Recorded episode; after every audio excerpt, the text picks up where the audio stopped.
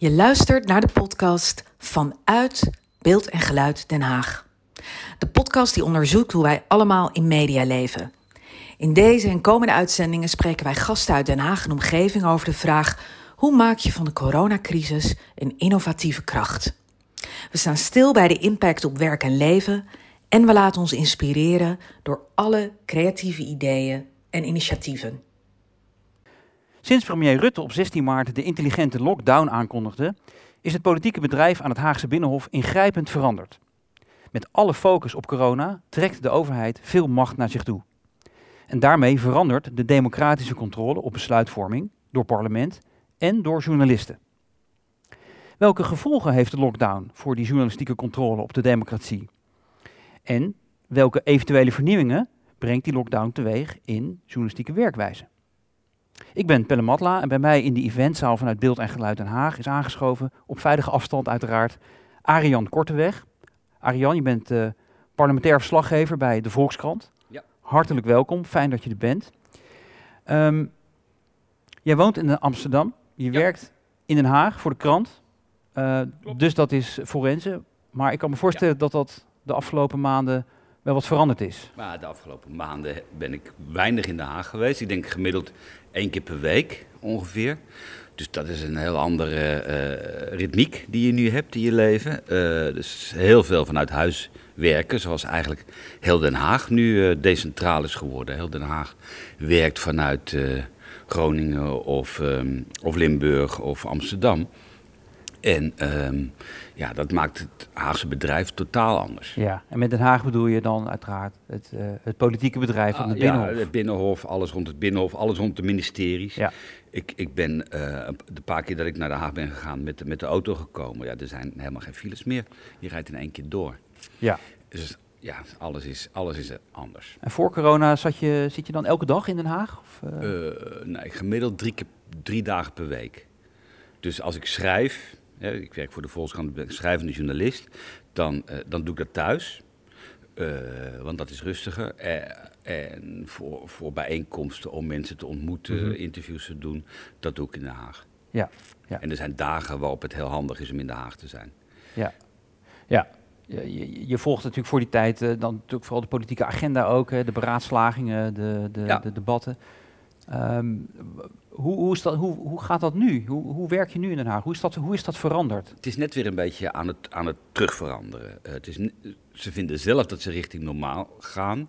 Eigenlijk is het nog heel ver van normaal af. Ja. Het is dus een tijdje helemaal stilgevallen.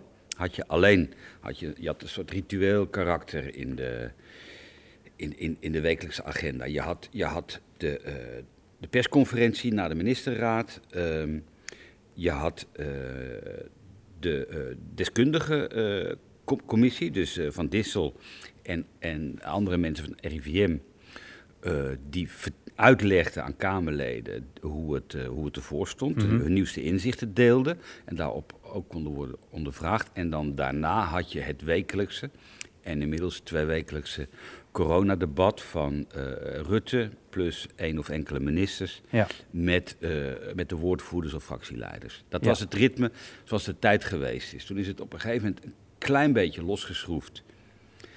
Want in die tijd dat het ritme zo was, dus dan heb ik het tot een week of twee geleden, gingen de commissies, hè, Den Haag bestaat voor een heel groot deel uit commissievergaderingen. Niet Ja. die plenaire vergaderingen die je op tv ziet, Mhm. maar de commissievergaderingen in kleine zaaltjes. En die commissievergaderingen die ehm, zijn ze op een gegeven moment begonnen digitaal te organiseren. Althans, de commissievergaderingen waarin niet veel of helemaal niet gestemd hoeft te worden, zoals Mhm. het heet, procedurevergaderingen. Ja. Die heb ik ook meegemaakt. Nou, dan zie je wat een enorme beperking van de mogelijkheden dat is. ja. Beperking voor? Uh, voor, voor alles, voor het democratische proces. Ja. Het doet een beroep op uh, vaardigheden die Kamerleden net zo min hebben als andere mensen. Aha. Technische vaardigheden vooral. Mhm. Uh, ze zitten vaak met hun kinderen die rondlopen of die op schoot komen zitten. Ja. Of met de hond die langskomt of met verbindingen die uitvallen. Ze komen tijdens commissievergaderingen erachter dat iemand die ze nog niet gezien hadden eigenlijk al de hele tijd erbij is. Ja. Of juist eh, iemand waarvan ze dachten die wel erbij was, Mhm. dat die blijkt helemaal geen verbinding te hebben. Het is een heel, dus eigenlijk Ja, als legitiem democratisch proces werkt het niet goed. precies. Dus dat wat wij allemaal kennen met videovergaderen, Ja, dat gaat hier daar dus net zo, ja. Ja, ja, ja. En dan kan je dan eh, natuurlijk als journalist dan ook, eh, ook bij. Daar kun je beperkt bij zijn. Ik heb Mhm. er op een gegeven moment een beetje moeite voor gedaan. Het moet allemaal transparant. Hè? Dat is de grote wens ook van, eh van Khadija Riep, van de voorzitter van Ja. de Tweede Kamer. Eh, maar je mag. Ik mocht op een gegeven moment 10 minuten aanschuiven bij zo'n digitale beeldvergadering. ja. Daarna moest ik het zaaltje waar dat gebeurde uit naar een ander zaaltje waar ik alleen nog het audiogedeelte kon horen. Dus alleen nog maar kon horen, Mhm. niet meer kon zien. En dan kun je wel later van al die vergaderingen het woordelijke verslag teruglezen. Dus het is, een, het is in zekere zin transparant, maar Mhm. je kunt er niet fysiek, fysiek aan het digitale deel eh, meedoen, zal ik maar zeggen. Nee, nee. Dus ook geen vragen stellen. Ja, je wordt als, als journalist al helemaal niet geacht om daar vragen in te stellen. nee. Nee, maar dat mag ook niet. Dat mag ook niet. Nee, precies. Nee. je kunt na af, afloop kun je Maar commissieleden dat is precies waar ik even ook probeer, hè, waar ik naartoe wil. Hè? Want eh, het normale politieke bedrijf is natuurlijk in de wandelgangen. Ja. ehm, dat je na afloop van vergaderingen mensen kan aanschieten. Dat is nu niet. Nee. Wat betekent dat nou voor, eh, voor je vak als eh, parlementair journalist? Ja, nou ja, ik, ik heb erover nagedacht. Wat, wat mis je nou eigenlijk het meeste? En, en dat is toeval. Eh, de, Den Haag bestaat voor een heel deel eh, uit, uit toeval. Ze zeggen altijd events. Eh, er, gebeuren dingen die je niet aan ziet komen. Ja. Zoals je natuurlijk dat hele coronavirus niet hebt zien aankomen.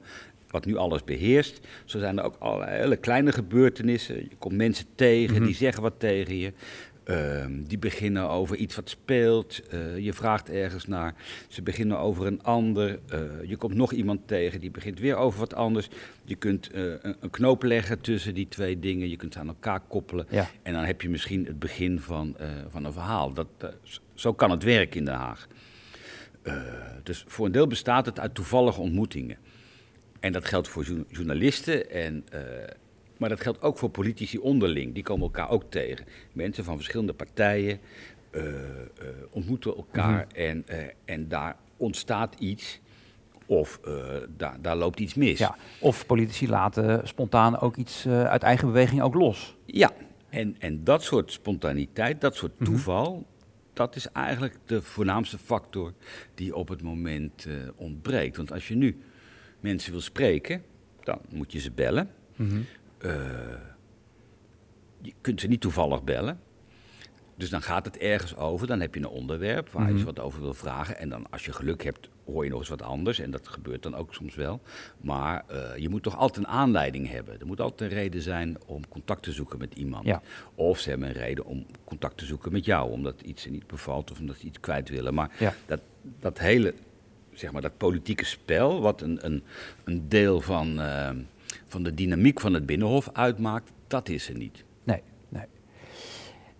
Is dat ook, hè, want het- die, die machtsconcentratie zou je kunnen zeggen, hè, dus zeg maar, het, het, het primaat van, eh, van de politiek of van de overheid is, is heel groot. Ja. Ehm, je, je- je kan, eh, hè, dus dit, dit hele organische spel, dat, eh, dat, dat is eventjes niet meer mogelijk. Ehm, in hoeverre kan je nou eh, dan nog je, hè, je, je klassieke rol als waakhond hè, van die democratie goed uitvoeren? Nou, Merk jij dat als een beperking?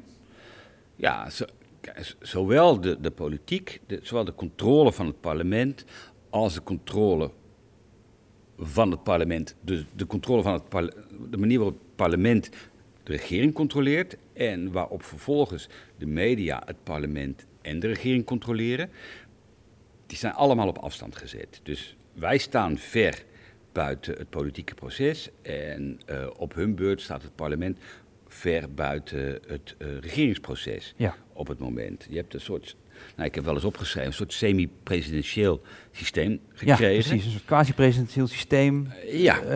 waarbij veel spoedwetgeving, citeer ik maar even uit je stuk Ja. van 8 mei, zonder debat wordt doorgevoerd in een voor Nederland totaal ongebruikelijke eenstemmigheid.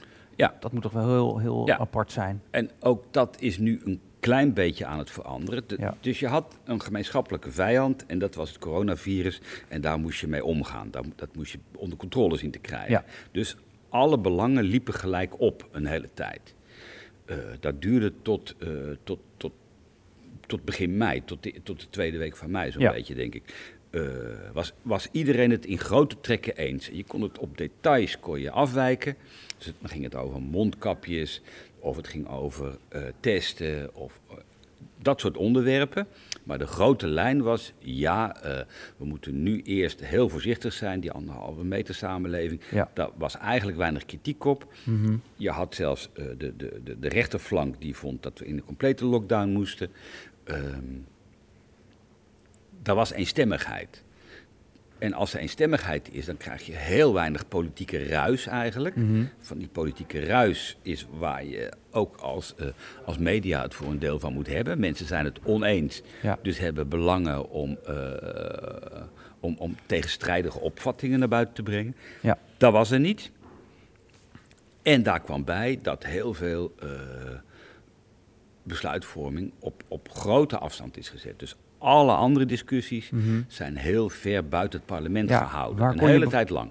Waar kon je bijvoorbeeld eh, de vinger niet meer achter krijgen? Nou ja, wat, wat, wat, echt een, een, een, heel groot onderwerp was, althans wat, wat, wat ik een groot onderwerp vond, was wa- iets wat helemaal niks met corona te maken heeft, was het bombardement op, op Hawija in, Ja. eh, in Irak. Ehm, waarin de Kamer stelselmatig verkeerd is geïnformeerd door de minister. Al dan niet opzettelijk. Brisant dat- natuurlijk, ja, normaal of- gesproken. dat is het, ja. Of dat Ja. nou al dan niet eh, opzettelijk was, daar had de Kamer normaal gesproken veel eerder over moeten debatteren.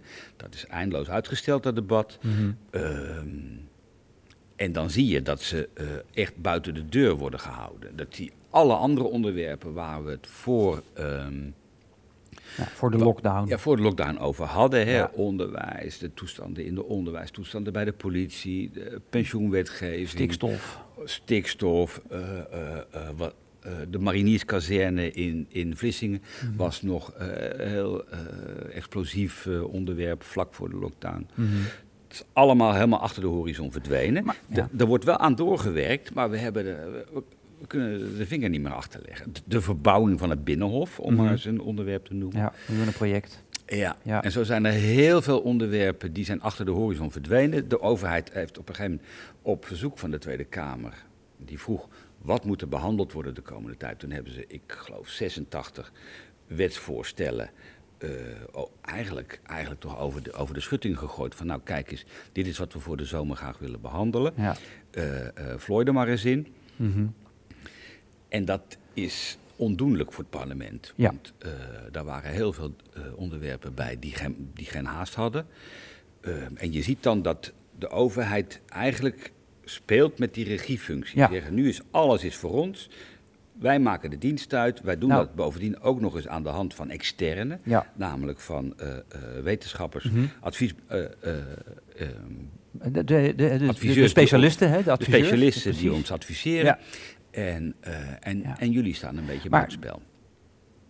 Dat moet toch ook dan ehm, bijvoorbeeld voor, voor politici zelf toch ook enorm schuren. Ehm, Ja, maar dat, dat, dat gemeenschappelijke belang heeft dat schuren een hele tijd tegengehouden. ja. En dat heeft lang geduurd. Dat heeft eigenlijk tot, eh, tot, tot begin mei geduurd. En nu zie je dat ze een beetje aan de kettingen beginnen te rukken. Mhm. En, eh, en, een beetje eh, politiek en- beginnen ja, en, weer scherper Ja. worden. En, Ja. en dat ook de belangen weer anders worden. Dus je ziet partijen inzetten Mm. op verschillende belangen. Hè. Je ziet de PvdA die een, een groot punt maakt van eh, die ontslagmogelijkheid voor eh, bedrijven die overheidssteun krijgen. Ja. Zo zie je dat alle partijen weer een, een beetje beetje profileren op onderwerpen die bij passen. kiezen. ja. Even terug hè, naar, naar dat moment dat iedereen, laten we zeggen, in gezamenlijkheid één kant op ging. Ja. Ehm, hoe kritisch kan je als journalist dan zijn op het beleid wat wordt vormgegeven? Eh, ja, dat, dat is, eh, ook dat is lastig. Ook voor ons eh, is, is dat een lastige fase. Want uiteindelijk is dat gedeelde belang, het virus onder controle krijgen, ook uh, het belang van alle Nederlanders, zou je kunnen zeggen. En daarmee ook het belang van, uh, van de media. Ja. Uh, tegelijkertijd is het je rol om, om het, het beleid te, te, controleren. Dus dat, dat, dat gebeurt binnen de, eigenlijk binnen de marges die je hebt. dus er, worden, er zijn kanttekeningen geplaatst bijvoorbeeld bij alle momenten waarop het beleid aan de oppervlakte kwam. Dus Mhm. die persconferenties en de, de, toespraak van Rutte. En, en dan is er gekeken in hoeverre uh, is het consistent wat hij zegt. Mm -hmm. Nou, daar was heel veel op aan te merken. Hè. De, de, de, de, de waterdichtheid van, van die persconferenties was vaak niet heel groot. Mhm. En dat zie je nog steeds. Mensen dat is een, voor mij een van de, een van de wonderlijke je, ervaringen. Je bedoelt dat dat veel ruis oproept? Ja, een van de, vind ja. ik een van de wonderlijke ervaringen van deze hele periode. Ja. Dat uh, de overheidscommunicatie uh, al dan niet opzettelijk uh, slordig is. Ja. Heel veel ruimte openlaat voor interpretatie. Mensen Mhm. mm -hmm. moeten onderscheid maken tussen ehm, afspraken en toevallige Mhm. mm -hmm. ontmoetingen in de open lucht. Ja. Dus jij komt vrienden tegen in het park, dat zijn er twee. Uh, als je had gezegd, zullen we elkaar over een kwartier ontmoeten in het park, dan zit je fout. Als je dat niet van tevoren had afgesproken, dan zit je goed. Dat zijn, dat zijn toevalligheden die je niet kan uitleggen. Nee. En, en daar, met dat soort toevalligheden Mhm. zat de overheid, of zit de overheidscommunicatie vol, vind ik. Ja. En nou ja, daar, daar kun je en daar moet je als, um, als, als media uh, heel alert op zijn. Ja, ja natuurlijk zo'n hele term als intelligente lockdown, hè, dat is natuurlijk ook al een, uh, uh, eigenlijk zou je kunnen zeggen, een, een bepaald frame waarbinnen beleid wordt uitgezet. Um, hè, ja. en, en daaraan ook de boodschap die Rutte natuurlijk ook steeds gaf van, en ik, ik vertrouw erop dat, we, dat, dat wij Nederlands met elkaar zo intelligent zijn dat wij dit met elkaar kunnen. Ja. Um, terwijl je in een ongelooflijk grijs, uh, schuivend gebied zit wat, wat wel en niet kan. Ja. Um, en, en, en, daar dan uh, kritisch op zijn, dat, dat lijkt me onmogelijk. Um, maar je, je bent steeds kritisch. Eigenlijk, je, je kunt kritisch zijn op het grote geheel. Dus je, je bent kritisch op. Wat mij fascineerde was, uh, is, het, is die troebele overheidscommunicatie, is dat nou opzettelijk of niet? Ja. Is dat nou een poging om toch, zoals dat dan heet, het virus te laten rondwaren? Dus dat het, zoals dat dan heet, onder ons blijft. Mm -hmm. Zodat geleidelijk uh, uh, die groepsimmuniteit die in het begin is opgevoerd, uh, toeneemt. Ja.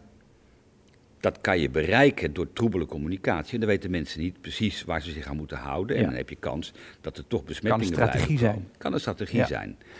Uh, of is dat inderdaad slordigheid of onvermogen of uh, geef maar een andere oorzaak. Nou, daar kun je het over hebben. En we hebben het in ieder geval in de krant heel veel gehad over... Um, wat klopt er nou eigenlijk van alles wat de overheid uh, aan, aan beleid zelf uitvoert? Er zat heel veel regie bij de overheid. Dat is ongebruikelijk in Nederland eigenlijk, dat de centrale overheid zoveel regie naar zichzelf toetrekt. Ja. He, dat zag je bij de mondkapjes. Dan kun je afvragen, um, waarom zijn er in februari nog mondkapjes geëxporteerd, terwijl we ze nu brood nodig hebben? Waarom zijn we zo laat geweest met uh, de aanschaf? Nou, dat zijn dingen die wij in de, Mhm. in, in, in de krant en die eigenlijk alle media uh, wel hebben geprobeerd te achterhalen. Het testen geldt hetzelfde voor. Ja. Waarom wordt er zo weinig getest in Nederland? Wa wa wat ik interessant vond was uh, de vraag... Um, waarom heeft Nederland relatief zoveel coronadoden? Waarom Mhm. scoren wij relatief zo hoog? Als we in een intelligente lockdown zitten, hoe intelligent is die lockdown eigenlijk? Ja. Als wij ten opzichte van andere landen Mhm. uh, in het gemiddeld aantal doden niet zo geweldig goed doen. Ja. Nee, precies. Hè? Dus dat is natuurlijk gewoon uh, je taak als journalist om die vragen te blijven stellen. Maar waar, waar, waar ik ook naar op zoek ben, is hè, van als iedereen uh, het, hetzelfde belang heeft, dus, dus de media ook, hè, om te zorgen dat het coronavirus uh, binnen de perken blijft. Ja.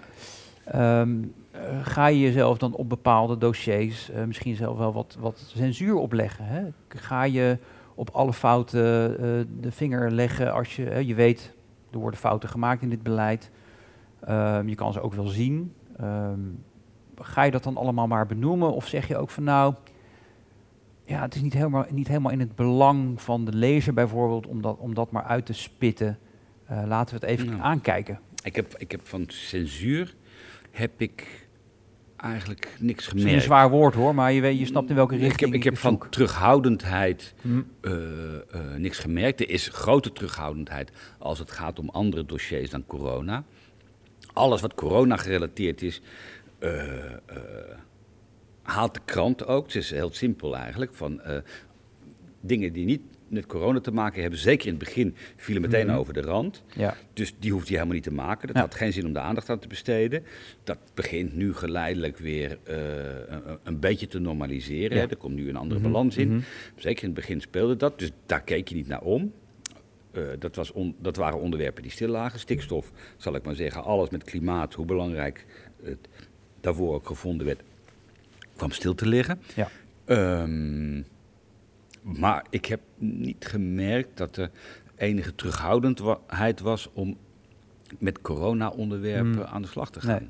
Je hoofdredacteur Pieter Klok eh, die zei het is een balanceeract, hoorde ik hem ergens zeggen. Ja, dat zei hij. Dat heb ik hem ook horen zeggen wat in, in het tv-programma Medialogica. Exact, ja, daar heb ik het ook gezien. Ja, en dat zei hij ten aanzien van een reportage over doden in, eh, in, eh, Italië, Noord-Italië, in Bergamo, Bergamo. Ja, Wat breng je wel, wat breng je niet op de voorpagina? ja maar dat Exact. is eigenlijk, Ja. ja. dat is geen censuur in de zin van, eh, dat is informatie die, die we niet willen brengen, maar dat was, eh, dat was eerder een, eh, denk ik, een, een ethische afweging. Ja. Van wil je dat, Wil je dat nu in deze tijd? ja, wil je nu op de, e- op, op, op de voorpagina, want daar ging het om, Ja. wil je een voorpagina die vol ligt met doodskisten in een kerk?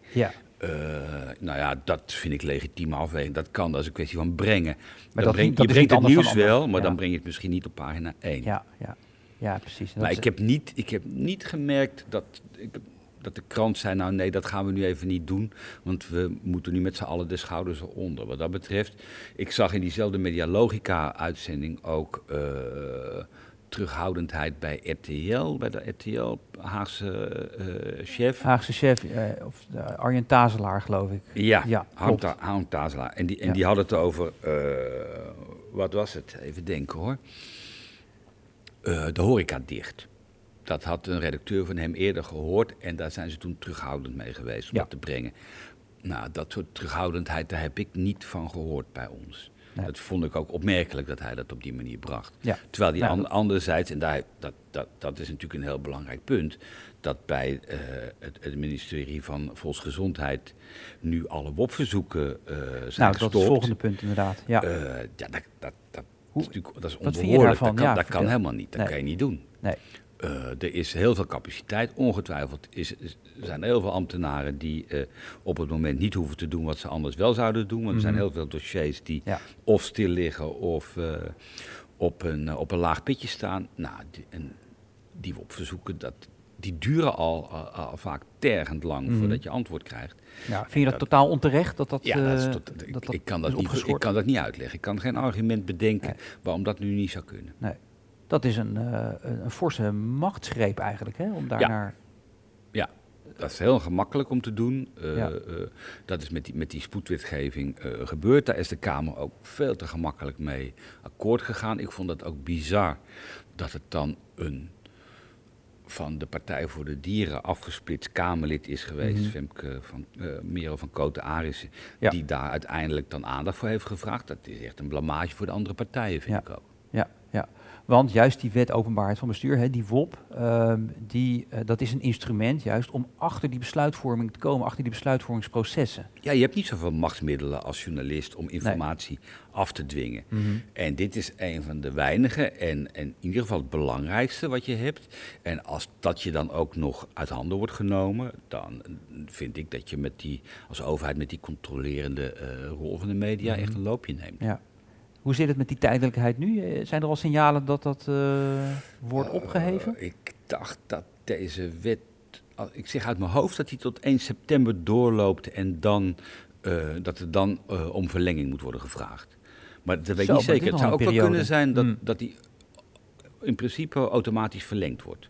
Voor nog drie maanden. Maar dat, Die, die opschorting. ja, daar, daar wil ik vanaf zijn. Dat weet ik niet helemaal zeker. Zou Maar is die, door de ka- is die dan door, wel door de Kamer gegaan? Of is dat, is dat ook een beetje buiten het zicht?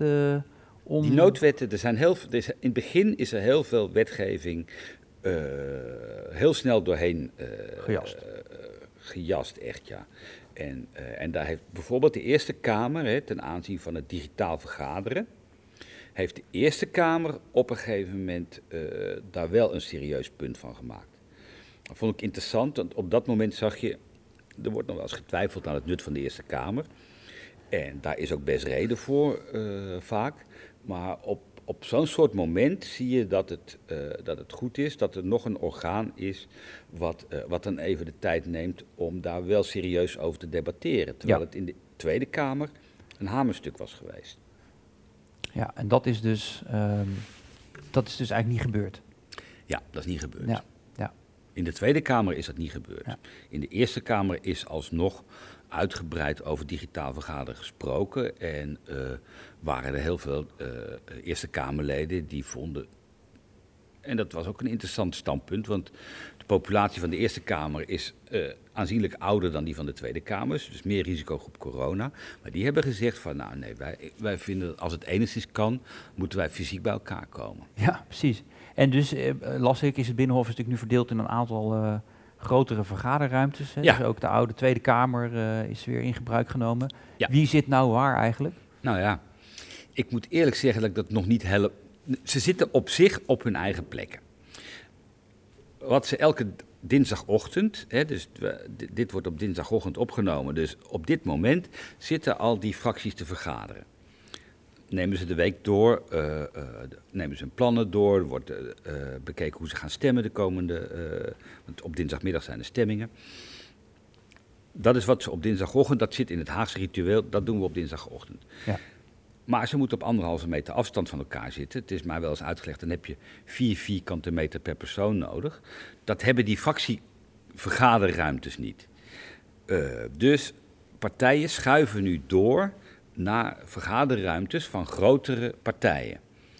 Dus de SP zit nu, vergadert op dinsdagochtend in de vergaderruimte, hele mooie vergaderruimte hebben die, van de, ehm, van de eh, VVD.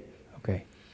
Eh, dus, en in de hoek van de vergaderzaal van de VVD staat een kartonnen pop van, eh, van, van eh, Bolkestein. en die hebben ze nu zo'n zo'n rode SP-baret opgezet. Dus je, je krijgt een klein beetje kruisbestuiving, krijg je wel. En de Ja. VVD schuift door naar de kelderzaal van de Ridderzaal. Grote zaal is dat waar die corona-proof ook gemaakt is. Aha. Ik geloof dat de Partij voor de Dieren is doorgeschoven. Nou, die hebben ook best een mooie ruimte. Naar eh, de vergaderzaal van eh, de SP. Ja. Dus, ja, het, Dus is een soort eh domino-spel. Dus het- ze schuiven door, allemaal door naar, een, naar de vergaderruimte van een partij die, die groter is dan zijzelf. Zodat ze meer afstand kunnen, kunnen houden. Ja. Ja. En de, en de Eerste Kamer hè, die is doorgeschoven naar de Ridderzaal. ja. Zo. En dat kun je je voorstellen als een soort eh, eindexamen, een soort eindexamenopstelling. Dus allemaal losse tafeltjes. ja. ja.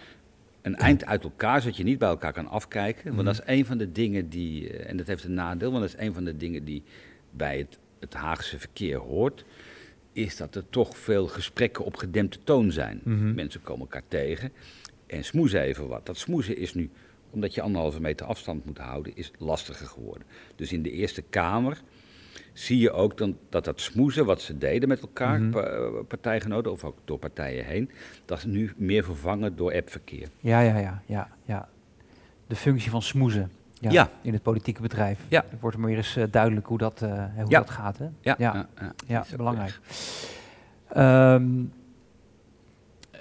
beetje naar het einde toe. ehm, ik vroeg me eigenlijk af of maar deze hele situatie, die natuurlijk voor iedereen anders en nieuw is, ehm, of die ook vernieuwingen teweeg brengt in hoe jij als journalist te werk gaat. In bijvoorbeeld je bronnen benaderen Ja. of in ehm, het vergaren van informatie, nieuwsgaring. Heb jij, eh, kan je er iets over zeggen? Er is eigenlijk voor mij, wat voor mij veranderd is, is dat er gewoon heel veel via, via Skype en Zoom en, eh, en, en, en telefoon gaat. En via appverkeer. Ja. En je reist minder? Ik reis minder en, eh, en ik, ik heb een verslaggeverscolumn waarvoor ik reis. Dat doe ik dan nog steeds wel, maar dat is vaak niet in Den Haag. Ja. Ehm, en voor de krant als geheel heb ik het idee dat wat enorm is toegenomen is de datajournalistiek. Ja. Dus eh, er is, we, we hebben, dat was een heel eh, mooi toeval, ongeveer een jaar geleden een, een afdeling daarvoor gekregen. Die vrij uitgebreid is en, en die, eh, die dus cijfermatig journalistiek bedrijft, zou je kunnen zeggen. Ja. Mhm. En die zie je nu in de krant heel veel eh, opduiken. Dus de cijfers eh, die bij corona horen, de vergelijkingen, eh, eh, de ontwikkelingen daarin.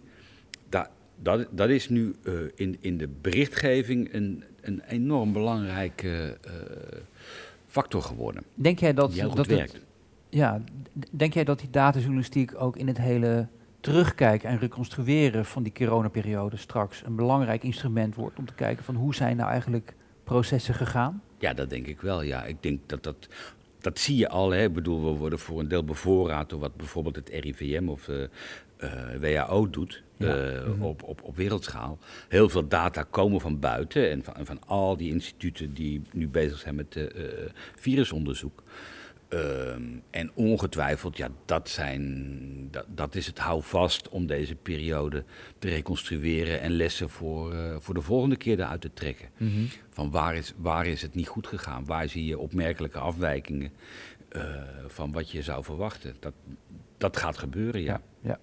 En dat wordt dan eh, de democratische controle in optima forma hè, van, eh, van, van de Ja. tijd waar we nu in zitten en waar we nu eigenlijk niet echt goed aan toekomen. Ja, de democratische en de wetenschappelijke eh, controle. Want dat is natuurlijk de grote verandering van de afgelopen tijd is geweest. Dat er is heel veel debat geweest over fake news, over, over eh, eh, de rol van al die eh, adviesorganen die rond de overheid eh, zijn ontstaan hè, Ja. sinds, sinds de Tweede Wereldoorlog. Hoe belangrijk zijn die? Er is heel veel eh, wetenschap. Het is gebruikelijk geworden in het parlement om wetenschap in twijfel te trekken. Hm. En je ziet nu, en dat is, dat is denk ik een enorm grote verandering door het coronavirus, dat eh, die rol van de wetenschap, die is weer min of meer onaantastbaar geworden. Eigenlijk belangrijker geworden dan die in heel Mhm. erg lang is geweest. Want het RIVM is dan de bemiddelaar tussen zeg maar, de wetenschap en de politiek. Ja. En heeft een soort, een soort onaantastbare functie gekregen in, eh, in het uitbrengen van adviezen. Die door de regering vrijwel één op één en zonder correctie werden overgenomen. Dat neemt nu weer af. Ja. Je ziet nu eh, de rol van eh, bijvoorbeeld van Dissel afnemen. In, Mhm. ook in de presentatie neemt hij al af. Ja. Ehm, dus er worden weer meer politieke afwegingen gemaakt. Mhm. Maar de, de wetenschap en de, en de, en de semi-wetenschap zoals het RIVM, dat, dat is iets wat eh Mhm. Ja. enorme... ehm, ja, wat je Ja. Als, als een winnaar van, van, van, van de, deze, deze pandemie zou kunnen beschouwen. Ja, wat we natuurlijk een aantal maanden geleden met de boeren op het eh Malieveld eh, hè, niet hadden kunnen bevroeden. Maar die sentimenten, die leven natuurlijk nog steeds wel in de samenleving. Eh, ja, maar als zo'n als zo'n eh, als zo'n instelling als het RIVM op, op, mo- op een cruciaal moment als dit eh, zijn kwaliteit bewijst, en dat hebben ze denk ik voor heel Nederland wel gedaan, hè, want eh, de, de, de, de grote waardering voor, voor Rutte leunt voor een heel groot deel op de grote waardering voor bijvoorbeeld het werk van het RIVM en, eh, en, en, die- en de verzamelde IC's en dat soort Mhm. instellingen. Ehm, dan denk ik dat, dat je noemt zelfs nu de, de boeren, ja, die ook op een gegeven moment gingen leunen op, eh, op eigen onderzoek. Precies. Wat dan niet bleek te kloppen. Dat heb je, ga je hetzelfde zien bij klimaatonderzoekers, denk ik. Mhm. ik. Ik verwacht toch dat de gevestigde instellingen eh, hier, eh, hier, hier baat bij hebben. Het RIVM werd in twijfel getrokken door, door de boeren.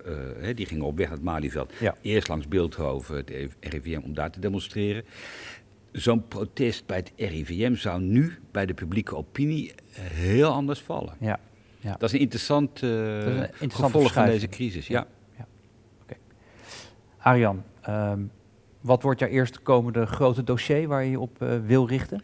Eh, ja, eh, nou dat is eigenlijk heel makkelijk voor mij. Ehm, ik ben gefascineerd door Denk, door de partij Denk. Dat heeft dan even helemaal niks met corona te maken. Maar Denk en 50PLUS zijn erin geslaagd als enige partijen om door de coronacrisis heen eh, steeds weer voor, voor nieuws te zorgen. Ja. Ehm, Denk heeft binnenkort zijn algemene ledenvergadering. En ik vind die partij als een partij die stem geeft aan, aan de migranten in Nederland. Uh, in, heel interessant fenomeen. Hm. Ze, uh, bezig zichzelf uit te vinden. En uh, dat, wordt het, dat wordt het volgende jaar waar ik me op ga storten. Oké, okay. ik wens je er veel succes mee. Bedankt voor je komst en graag tot ziens. Graag gedaan. Luister iedere week een nieuwe podcast via onze social kanalen en de website van Beeld en Geluid Den Haag. En als je zelf een podcast wil maken en uitzenden, neem dan contact op. We helpen je graag.